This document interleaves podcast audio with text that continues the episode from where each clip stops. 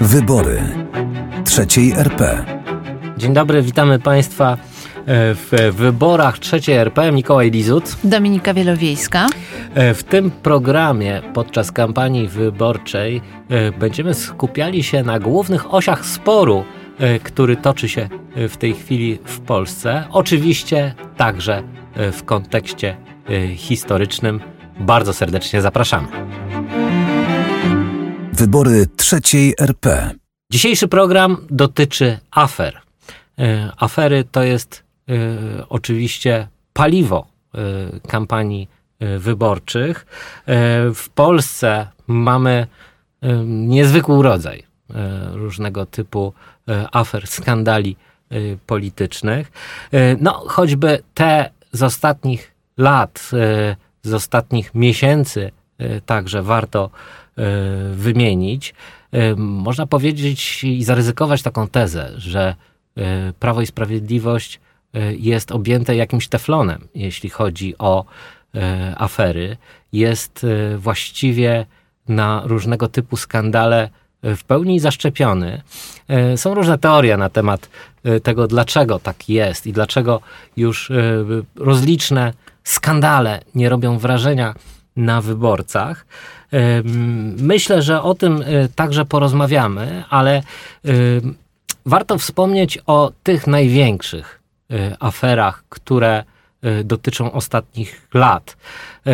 Afera podsłuchowa, czyli sprawa Pegasusa, czyli użycia właściwie antyterrorystycznego, nielegalnego oprogramowania, które służy do pełnego monitorowania telefonów komórkowych, użycie tego E, przez władzę podczas kampanii wyborczej w 2019 roku, śledzenie przy pomocy Pegasusa prominentnych e, działaczy partyjnych, w tym szefa ka e, kampanii konkurencyjnej partii politycznej, no ale także użycie tego oprogramowania w stosunku do niepokornej prokurator czy prominentnego adwokata, no, jest chyba aferą bez precedensu. E, bardzo często pada takie porównanie, że to jest polskie Watergate, choć przypomnę, że e, w aferze Watergate do podsłuchu jednak nie doszło, e, a cała ta sprawa obaliła prezydenta Nixona. W Polsce tak się nie stało. Dlaczego? Jesteśmy chyba mm, bardziej e, obojętni na łamanie takich procedur demokratycznych i nadużywanie władzy. E, a akurat Prawo i Sprawiedliwość, jeśli chodzi o nadużywanie władzy, to jest mistrzem świata. E, I służby są nastawione, jakby Pegasus jest tutaj do tego instrumentem, na to, żeby przede wszystkim kontrolować, co się dzieje u konkurentów politycznych. Stąd e, ta inwigilacja Krzysztofa Brejzy, który był szefem sztabu, no to jest po prostu rażące złamanie standardów demokratycznych e, i ludzie, którzy są za to odpowiedzialni. To jest powinni... coś więcej, Dominiko, bo to e, stawia pod znakiem zapytania uczciwość wyborów. Wynik wyborczy. Tak, oczywiście. Oczywiście, dlatego że mm, Czyli uderzamy w zasadzie w taki mają korf, dostęp, korzeń demokracji. Tak, dostęp po pierwsze do informacji sztabu konkurentów politycznych, po drugie destabilizują kampanię wyborczą konkurentów, bo szef sztabu zamiast zająć się organizacją tej kampanii musi się bronić i tak dalej, i tak dalej. Ale chcę zwrócić y, uwagę na jedną rzecz. Czemu ten, czemu ten Pegasus służy? Bo on służył nie tylko po to, żeby sprawdzać, co się dzieje u konkurentów politycznych, ale przede wszystkim nastawić się na y, polowanie na polityków opozycji, aby udowodnić, że są skorumpowani. I to jest powtórka oczywiście z pierwszych rządów PiS w dużej mierze. Y, I mm, PiS koncentruje się przede wszystkim na e, inwigilowaniu osób, które myśli, że być może będzie to jakieś złoto polityczne, bo okaże się to osoba związana z opozycją. To jest główny cel. W tym samym czasie mamy do czynienia z rozmaitymi aferami po prostu zwykłego rozkradania pieniędzy, gdzie służby PiS albo okazują się być nieudolne, albo może tuszują te przestępstwa, bo trudno w tej chwili to ocenić. Mamy mam nadzieję, że kiedyś będziemy mogli się tego dowiedzieć. A mamy przecież takie sprawy jak afera respiratorowa, czyli tajemnicza decyzja służb, żeby y, zrobić deal z handlarzem bronią. Do dziś Kupić nie wiemy. res- respiratory, których nie wiemy, nie co się było, stało z tymi pieniędzmi. były, Nie to, wiemy. to nie działały. Y, Pieniądze zniknęły, y, handlarz bronią nie żyje. Potem mamy następną rzecz, czyli afera KNF. To też jest bardzo ważne, bo tutaj żądano łapówki. y, Komisja Nadzoru Finansowego, przypomnijmy, mm, chodziło o to, że Leszek Czarnecki, e, bankier, e, nagrał rozmowę z ówczesnym szefem KNF, który właściwie em, Złożył mu propozycję, propozycję korupcyjną. Proces y, jeszcze, jeszcze trwa, ale sprawa ma wiele niejasnych wątków, bo wiem, że później były jakieś rozmowy z prezesem NBP Adamem Glapińskim. Nie wiemy tak naprawdę do końca, kto był mocodawcą szefa KNF. Sam z siebie nie mógłby zapewnić spełnienia warunków tej łapówki, więc to też jest sprawa bardzo, bardzo tajemnicza.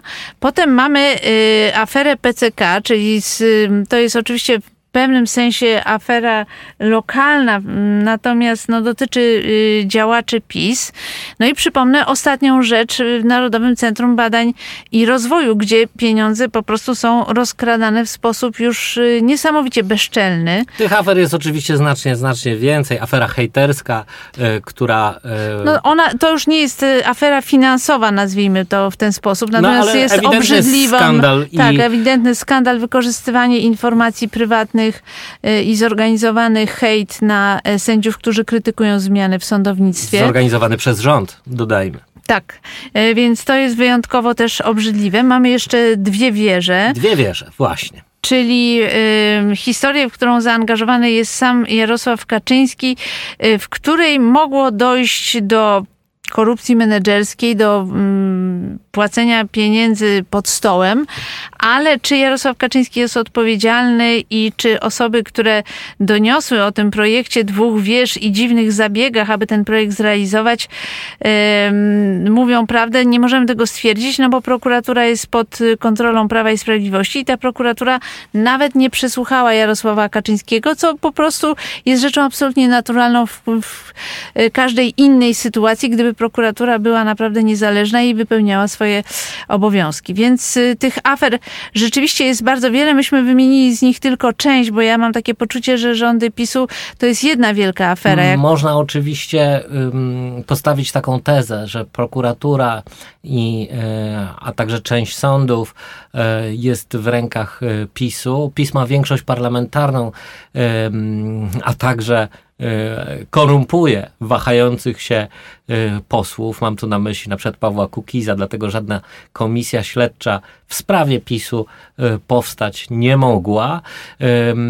Mam też takie wrażenie, że my, obywatele, zostaliśmy jakoś e, znieczuleni, e, no może i ilością afer, które e, wybuchają i, i no, ten świat medialny donosi o nich e, coraz częściej i częściej, więc przestało to robić wrażenie.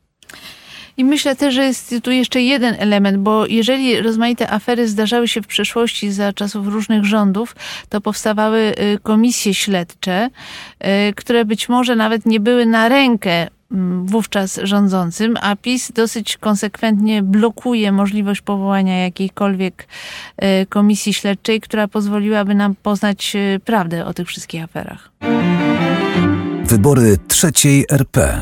Dominiko, y, zagłębmy się w y, ocean historii trzeciej RP y, i zacznijmy może od tego, co prasa nazywała królową wszystkich afer, czyli aferę związaną z Funduszem Obsługi Zadłużenia Zagranicznego, czyli afera FOS. E, To był początek lat 90. E, Afera rzeczywiście e, gigantyczna, która wstrząsnęła e, Polską. Miała też ym, wymowne skutki e, polityczne. Może najpierw przypomnij o co chodziło. W aferze FOS chodziło o to, że powstał specjalny fundusz, który miał po cichu skupować na rynkach zagranicznych polskie długi i nagle się okazało, że spora część tych pieniędzy wyparowała.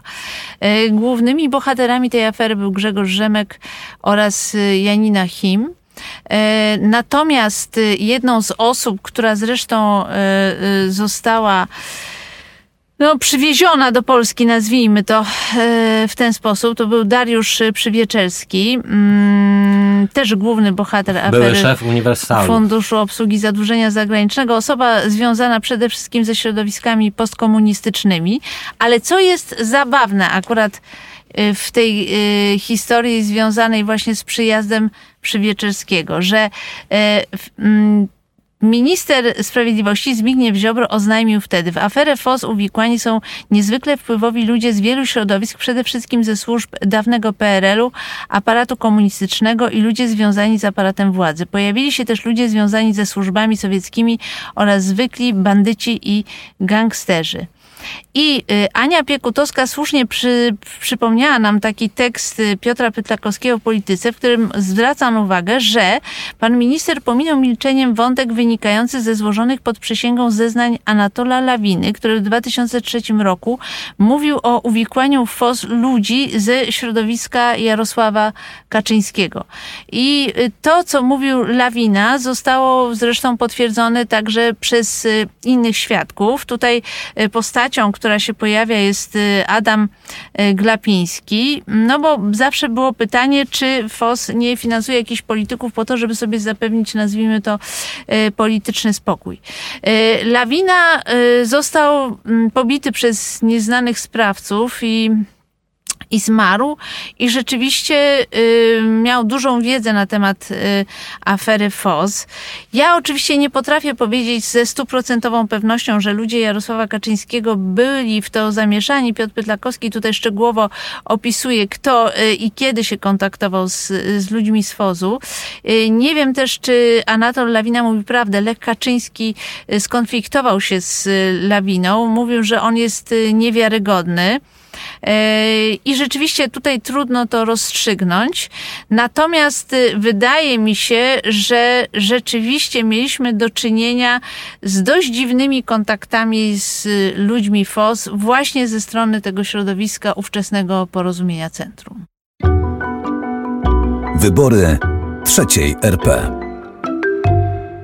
Teraz y, zajmijmy się aferą, która. Hmm, wstrząsnęła światem polityki, choć nie była to afera finansowa, a obyczajowa. Anastazja Potocka. E, to była postać, e, to, którą oboje pamiętamy także z korytarzy sejmowych. E, ta dziewczyna gdzieś zaginęła, nie sposób właściwie dociec, czym teraz się zajmuje i gdzie jest. No w każdym razie mm, to był oczywiście Nick, Anastazja Potocka.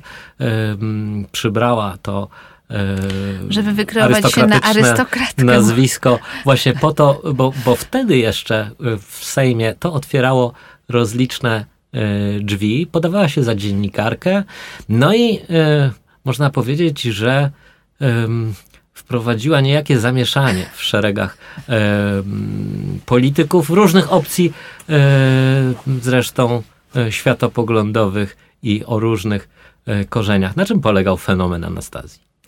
Rzeczywiście y, fenomen Anastazji polegał na tym, że wdawała się w romanse z różnymi politykami i ujawniała ich rozmaite y, sekrety i opisała to w skandalizującej książce. No był to szok dla y, młodej demokracji. Takich, że, takie rzeczy nigdy nie miały miejsca w Różowe immunitety to się nazywało. Czy dobrze pamiętam? Nie, nie, nie. Nie, to były erotyczne immunitety. Erotyczne immunitety. Mhm. Bardzo Państwa przepraszam. Być może jeszcze gdzieś w e, e, głębi internetu wciąż ten biały kruk jest do dostania. E, lektura jest rzeczywiście fascynująca. Wiele lat później, gdy y, Stanów, Stanami Zjednoczonymi wstrząsnęła tak zwana Zippergate, y, no, czyli sprawa romansu Billa Clintona y, ze swoją starzystką, bardzo często mm, sprawę Anastazji porównywano do Zippergate. Wtedy prezydentura Clintona właściwie zawisła na włosku. W Polsce nic się takiego nie stało. Mało tego. Ja właściwie jestem zwolennikiem takiej tezy, że wielka kariera Leszka Millera jako y, lidera SLD, jako y, lidera y, no, nowoczesnej już lewicy, niekojarzonej tak bardzo ze schedą postkomunistyczną, zaczęła się od afery z Anastazją.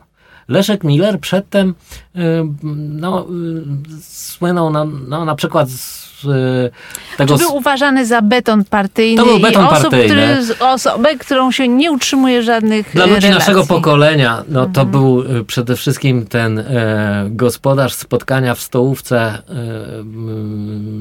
KCPZPR z młodzieżą z NZS-u, gdzie po prostu Miller wypadł fatalnie. Na, nasze koleżanki i koledzy zadawali e, druzgoczące pytania e, wówczas prominentnemu działaczowi e, partii, no, który odpowiadał, wicie, rozumicie e, i, i, i właściwie nie docenił e, wówczas e, tej młodzieży. Natomiast po aferze z Anastazją jego głos się obniżył, zaczął używać różnych takich bonmotów, które znaczy, bo Anastazja przedstawiła go bardzo pozytywnym no właśnie, świetle. Bo on, e, Niezależnie od tego, czy to jest prawda. Bardzo dobrze wypadł w łóżku. Tam jest opisane, czy nie, bo to też jest pod znakiem zapytania. Ja tylko chciałam powiedzieć, że właściwie wydanie tej książki mnie totalnie zaskoczyło wtedy, bo ja tam się gdzieś y, już zaczęłam kręcić w Sejmie. E, ale przyznam się, że ja się na nią nie natknęłam. Nie? W ogóle nie wiedziałam, że taka e, osoba istnieje, więc to nie jest tak, że ona była powszechnie znana e, i jakoś jej bytność tam była komentowana. Natomiast na czym problem polegał z tymi erotycznymi immunita, immunitetami? O ile politycy lewicy zostali tam opisani gorzej lub lepiej, no nie wszyscy byli zadowoleni oczywiście z tego opisu, to największy problem stanowiło to dla polityków prawicy, których Przede wszystkim ona dla marszałka Kerna, który, tak, który ta... był tam opisany jako, no dziś byśmy go nazwali drapieżcą seksualnym. Po prostu Anastazja P. opisała swoje relacje z politykami y, prawicy y, i to było mm, szokiem dla wszystkich, dlatego że szczególnie w latach 90. wszyscy ci politycy mieli pełne gęby sloganów o wartościach chrześcijańskich i y, życiu rodzinnym i tak dalej, i tak dalej. A tu pojawia się jakaś paniusia nie wiadomo skąd, no i jakoś w błyskawicznym tempie parę osób złowiła, więc to obnażyło ich hipokryzję i za mm, zakłamanie i, i na tym polegała przede wszystkim jakby siła e, tej książki, która sama w sobie jest dosyć taka marna, plotkarska, nie wiadomo czy jest prawdziwa w iluś tam punktach, no jest to wysoce wszystko e, podejrzane, mm, e, no ale oczywiście to uderzenie w polityków prawicy było znaczące. Wybory trzeciej RP. Afera, która przemodelowała y, trzecią RP. Y, zmieniła, można powiedzieć, wszystko. To afera Rywina. E, przypomnijmy, e, Lew Rywin, prominentny producent, e, a także e, przedsiębiorca, e, przyszedł z korupcyjną propozycją do Agory. E, wtedy, mm, wtedy Ministerstwo Kultury przygotowywało ustawę. Przypomnijmy, że były to rządy SLD, przygotowywał ustawę o tak zwanym zakazie krosowania mediów. Chodziło o to w największym skrócie, że e, jeden właściciel nie może mieć e, radia i telewizji jednocześnie. E, radia, telewizji i, I gazety. Mhm, gazety. gazety. Lew Rywin przyszedł do szefów Agory z propozycją, że w zamian za 17,5 miliona dolarów jego mocodawcy, czyli grupa trzymająca władzę, jest w stanie e, tej ustawy nie uchwalać. Jeśli Agora nie zapłaci, to ta ustawa po prostu zostanie uchwalona, e, co oznacza dla Agory e, poważny kłopot biznesowy. No tak, bo Agora chciała ewentualnie wejść w biznes telewizyjny, no a ta ustawa mm, by jej to zablokowała. Generalnie była to ustawa, która blokowała rozwój mm, przede wszystkim Agory, ale też mogła być y, mm, ograniczeniem dla całego rynku y, medialnego. Adam Michnik rozmowę z Lwem Rywinem nagrał. Y, rzeczywiście ta sprawa pokazała jedną rzecz – że niezależnie od tego, co sądzimy o trzeciej RP, faktem jest, że te pierwsze lata trzeciej RP borykały się z problemem korupcji. Nie oszukujmy się. Nie wszystko dało się mm, udowodnić, ale za czasów SLT mieliśmy kilka przykładów poważnych podejrzeń afer y, korupcyjnych. No, to było wszystko właściwie na widelcu, ponieważ... A to było wszystko tak na widelcu, dlatego że to rozmowę, zostało nagrane. E, rozmowę mhm. z Rywinem nagrał Adam Michnik. E, potem doszło do konfrontacji w, gabinecie, w gabinecie e, premiera Leszka Millera z Rywinem właśnie, no, który w tej rozmowie z kolei powiedział, że wysłał go czarzasty.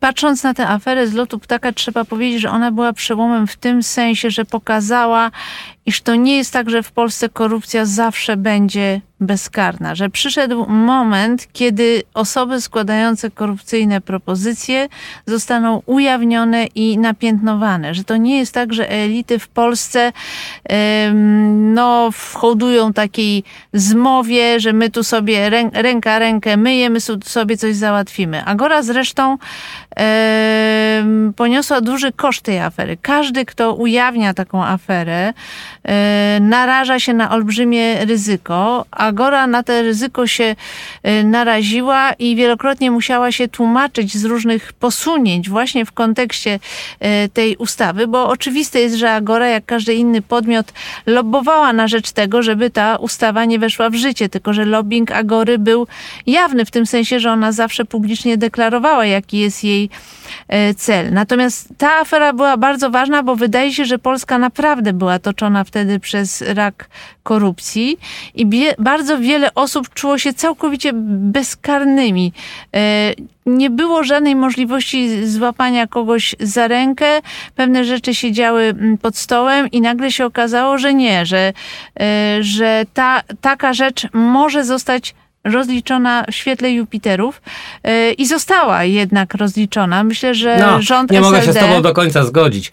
Yy, oczywiście yy, powstał raport komisji no śledczej. Grupa trzymająca władzę nie została skazana, o to Grupa trzymająca y, władzę nie została skazana. Oczywiście niektórzy prominentni politycy y, ponieśli rykoszetem tak naprawdę y, pewne konsekwencje swoich działań. Mam tu na myśli na przykład Aleksandrę Jakubowską, ale... Dzisiaj gwiazdę dzisiaj telewizji gwiazdę braci telewizji Karnowskich. braci Karnowskich. Otóż to. to jest właśnie ciekawe, jak ludzie potrafią się zmienić. No, każdy musi szukać swojego miejsca. Ona już znalazła się na takim marginesie, już nie miała co ze sobą zrobić, więc karnosy ją przygarnęli. A mówiono o niej lewica lewicy.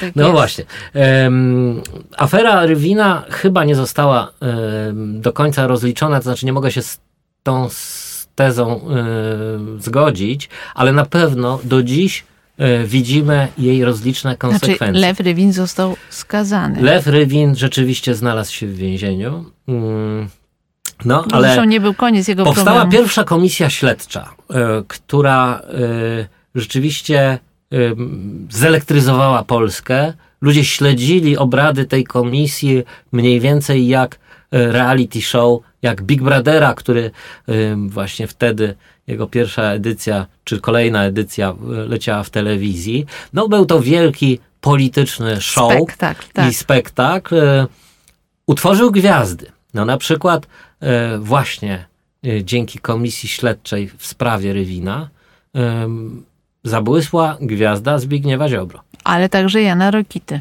Jan Rokita jest w tej chwili marginalnym publicystą tak, braci ale wtedy, Karnowskich. Ale wtedy ale wtedy naprawdę stał się słynny. I żeby było śmieszniej, raport Zbigniewa Ziobry był o wiele bardziej korzystny dla Agory niż raport Jana Rokity.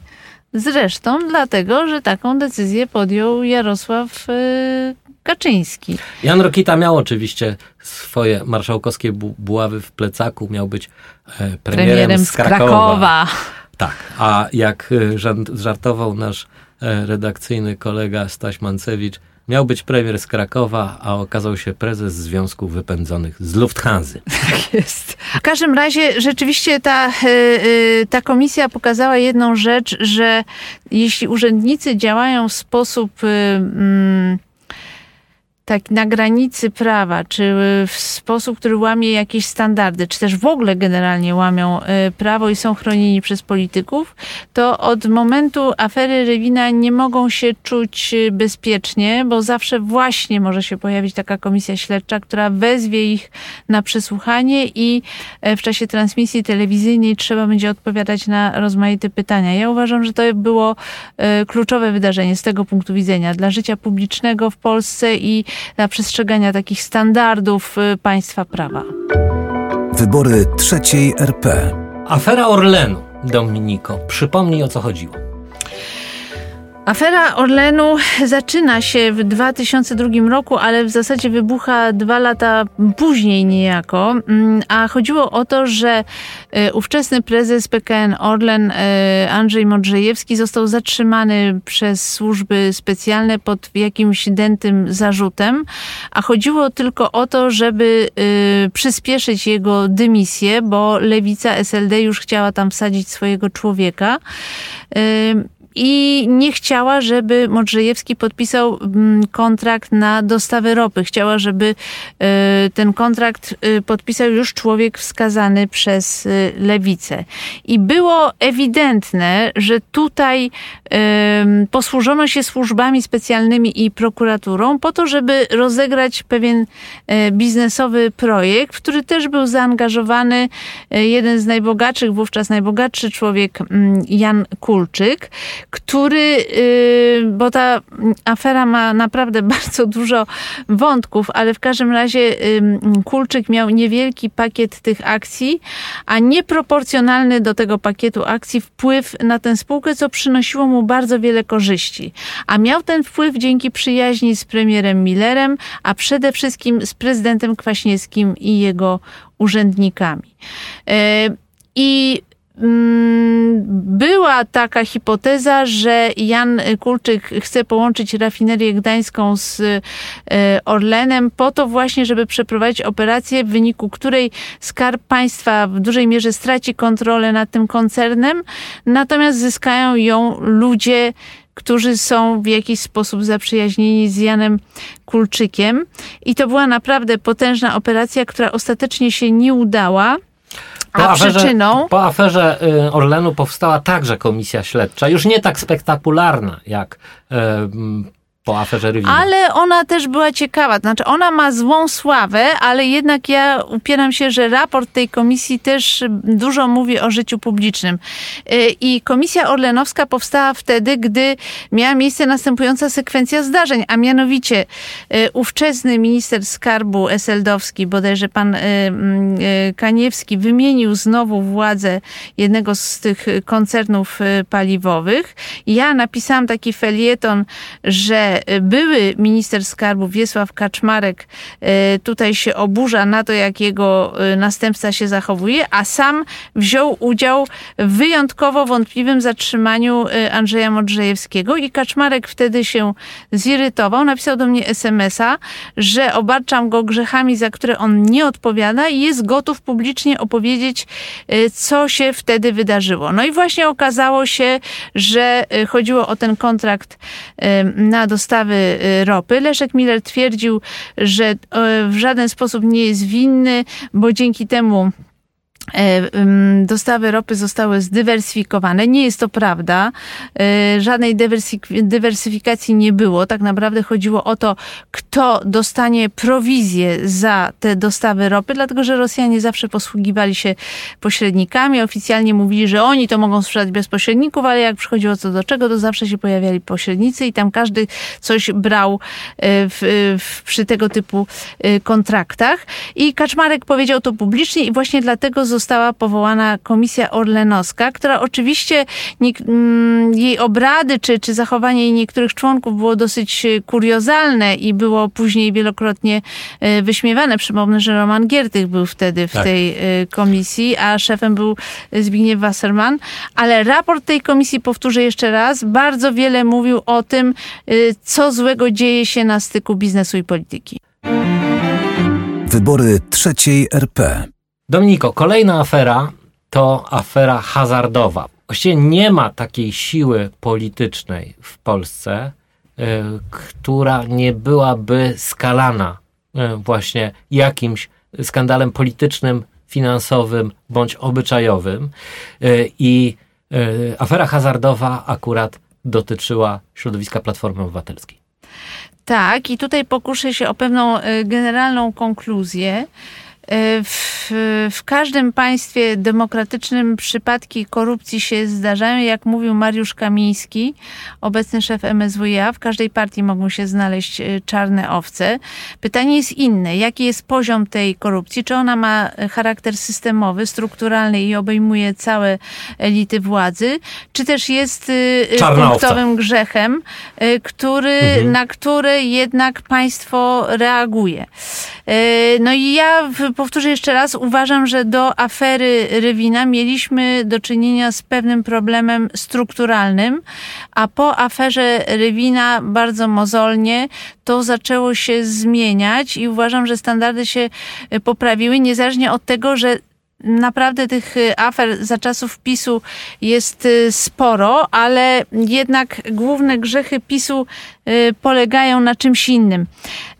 I teraz tak, jeśli chodzi mm, jeśli chodzi o aferę hazardową, to e, problem z grubsza sprowadzał się do tego, że powstawała e, ustawa e, związana właśnie z przepisami dotyczącymi warunków prowadzenia rozmaitych interesów, które były, bazowały na, na hazardzie.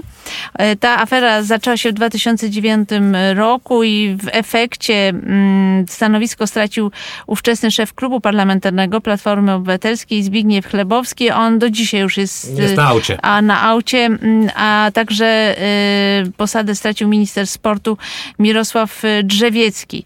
Y, a ważną rolę w tej aferze odgrywał Ryszard Sobiesiak, który po prostu miał skorzystać na nowych zapisach ustawowych forsowanych przez tych polityków, przez tych polityków Platformy i ci politycy zostali w dużej mierze, znaczy to błyskawicznie praktycznie odsunięci. Tutaj jest jeszcze jeden ciekawy wątek, bo tutaj chodzi o rolę Mariusza Kamińskiego, bo przypomnę, że Donald Tusk pozostawił Mariusza Kamińskiego na stanowisku szefa e, Centralnego Biura Antykorupcyjnego. To nie jeden i nie jedyny błąd e, Donalda Tuska e, Ale z czego on wynikał? Zostawił także szefa telewizji na przykład publicznej. Tak, bo w dużej mierze y, Platforma, akurat tutaj trzeba to uznać, taki kamyczek do ogródka y, odcinka medialnego, że przez dużą część rządu Donalda Tuska Platforma jednak nie miała wpływu na telewizję, także dlatego, że Lech Kaczyński był prezydentem. Ale zostawmy to na chwileczkę i tylko wrócę jeszcze do tego wątku dotyczą, dotyczącego Mariusza Kamińskiego, bo to jest niezwykle ciekawe, bo Tusk wychodził z założenia, że jak będzie miał takiego gościa jak Kamiński, to y, tenże Kamiński będzie kontrolował przypadki korupcyjne w jego obozie bezwzględnie, bo nikt y, nie będzie się tutaj z Kamińskim z Platformy kolegował. Tylko co się okazało? Że Kamiński nie chce ścigać korupcji. On tak naprawdę nadal jest człowiekiem PiSu i chce skompromitować samego Donalda Tuska. I na tym polegała właśnie zupełnie fałszywa diagnoza, czy też y, próba kontrolowania ewentualnych zachowań korupcyjnych. No i to wszystko się się skończyło źle. W każdym razie tutaj też została powołana e, komisja śledcza i tutaj też wszyscy mieli okazję e, poznać kulisy tych e, wydarzeń. Platforma oczywiście obawiała się, że zapłaci za to wysoką cenę. No, ostatecznie jednak wygrała wybory w 2011 roku, to znaczy opinia publiczna uważała, że tutaj wyborcy zostali poinformowani, co tak naprawdę się wydarzyło, a Tusk dokonał dosyć no, potężnych zmian personalnych w swojej ekipie, bo to nie dotyczyło tylko Chlebowskiego i Drzewieckiego, ale także rozmaitych innych decyzji. No i myślę, że dlatego Platforma się wybroniła. Wybory trzeciej RP. Dominiko, były takie afery, które rzeczywiście wywracały stolik polityczny, powodowały wyborczą śmierć mm, albo po prostu przegraną rządzących. E, taką aferą mm, całkiem niedawną, które, którą Państwo e, z pewnością pamiętają, to afera podsłuchowa. E, chodzi oczywiście o nagrania w restauracji Sowa i Przyjaciele, a także w innej jeszcze restauracji, którą organizowali kelnerzy na zlecenie Marka Falenty. Rzeczywiście mm, nagrywani byli mm, politycy Platformy Obywatelskiej, ale także przypomnijmy premier Mateusz Morawiecki i jedna z jego rozmów nadal nie ujrzała światła dziennego. Bo mało kto pamięta, że Mateusz, że Mateusz Morawiecki treść. E, doradzał wówczas Donaldowi Tuskowi. Tak, i kolegował ogóle, się z osobami z tej ekipy. E, w ogóle różnych, że tak powiem, ulubieńców Donalda Tuska aż strach wymieniać. Fenomen, y, fenomen tych nagrań i, i, tej historii polega na tym, że ludzie zawsze źle znoszą e, sytuacje, w których dowiadują się, jak jest robiona kiełbasa. Czyli w pewnym sensie, jacy są politycy za kulisami. Prywatnie, bo, że mówią brzydkie e, wyrazy. Że, że, tak, ale przypomnę ci jeszcze inną historię, która też zaszkodziła PiSowi, a mianowicie taśmy Renaty Beger. Tak? Znaczy Renata Beger e, nagrała e, Adama Lipińskiego, polityka PiSu, a potem Wojciecha Mojzesowicza, który negocjował z... negocjował z nią, żeby po prostu część tych ludzi samoobrony opuściła Andrzeja Lepera i jednak przyłączyła się do PiSu, bo Jarosław Kaczyński jeszcze chciał trochę porządzić i chciał zapewnić jakąś większość swojemu, e, swojemu rządowi. E, więc e, wtedy to już było szokiem dla ludzi, w jaki sposób się rozmawia o, załatwienia, o załatwianiu rozmaitych politycznych deali, no bo politycy są, mają usta pełne frazesów i górnolotnych stwierdzeń, a tutaj nagle siedzą i opowiadają rozmaite ta teatralizacja polityki. Tak. No bo trochę to mm, przez wiele lat tak wyglądało, jak takie letnie kolonie dla dorosłych. E, politycy pracują, mieszkają, e, jedzą i żyją w jednym miejscu. Oczywiście na scenie, czyli na sali obrad, przywdziewają te swoje y, pozy, mają usta pełne frazesów, ale także niechęci do konkurencji politycznej. No a bardzo często te sympatie prywatne y, przebiegają w poprzek, że tak powiem, politycznych podziałów. No i oczywiście PiS bardzo sprawnie, zresztą wszystko wskazuje na to, że PiS co najmniej posiadał wiedzę na tym, o tym, że takie nagrania są dokonywane, ponieważ y, osoby związane ze służbami specjalnymi i spis miały świadomość, y, Marek Falenta się z nimi kontaktował, w każdym razie tak twierdzi Falenta. Także y, PiS kibicował bądź zachęcał, a w każdym razie posiadał wiedzę na temat tego nielegalnego procederu, jakim było nagrywanie polityków i biznesmenów. Mm, natomiast jeżeli spojrzeć na urobek tych podsłuchów, to prawda jest taka, że one nie odsłoniły jakiejś wielkiej afery korupcyjnej.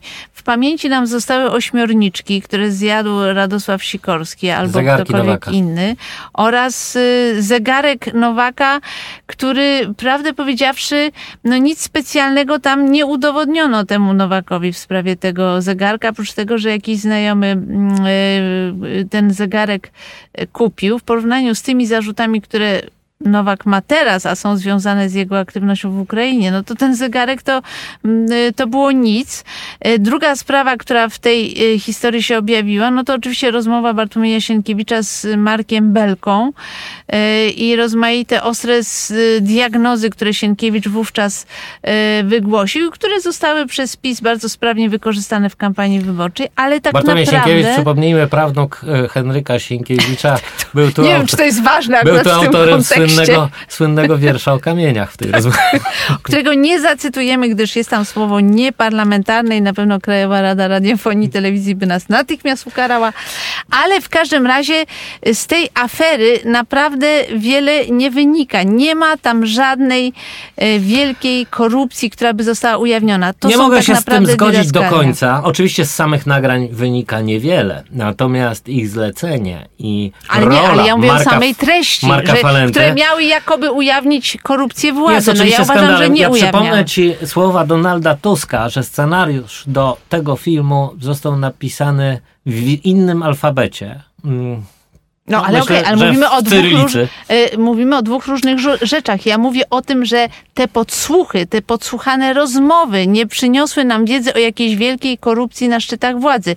Natomiast samo nagrywanie polityków oczywiście jest aferą, ponieważ po pierwsze jest nielegalne, a po drugie w oczywisty sposób zostało wykorzystywane, wykorzystane w czasie kampanii do tego, żeby zmienić rząd. No i pytanie, kto y, tym instrumentem się posłużył? Czy to byli Rosjanie, czy to był Falenta, który początkowo chciał po prostu zarabiać na informacjach, które zdobywa w ten sposób i wykorzystuje je w swojej działalności biznesowej, czy też może się mści na Donaldzie Tusku za to, że ten, y, że ta władza, rząd mu e, falencie blokowała interesy związane ze sprowadzaniem rosyjskiego węgla i tak dalej, i tak dalej. Tutaj motywów może być bardzo wiele i to oczywiście e, jest e, aferą. Natomiast w samej treści tych rozmów, żebyśmy odkryli, że, że właśnie w rządzie PO-PSL miały miejsce jakieś wielkie afery korupcyjne, to nie, czegoś takiego nie było. Było hasło Sienkiewicza i były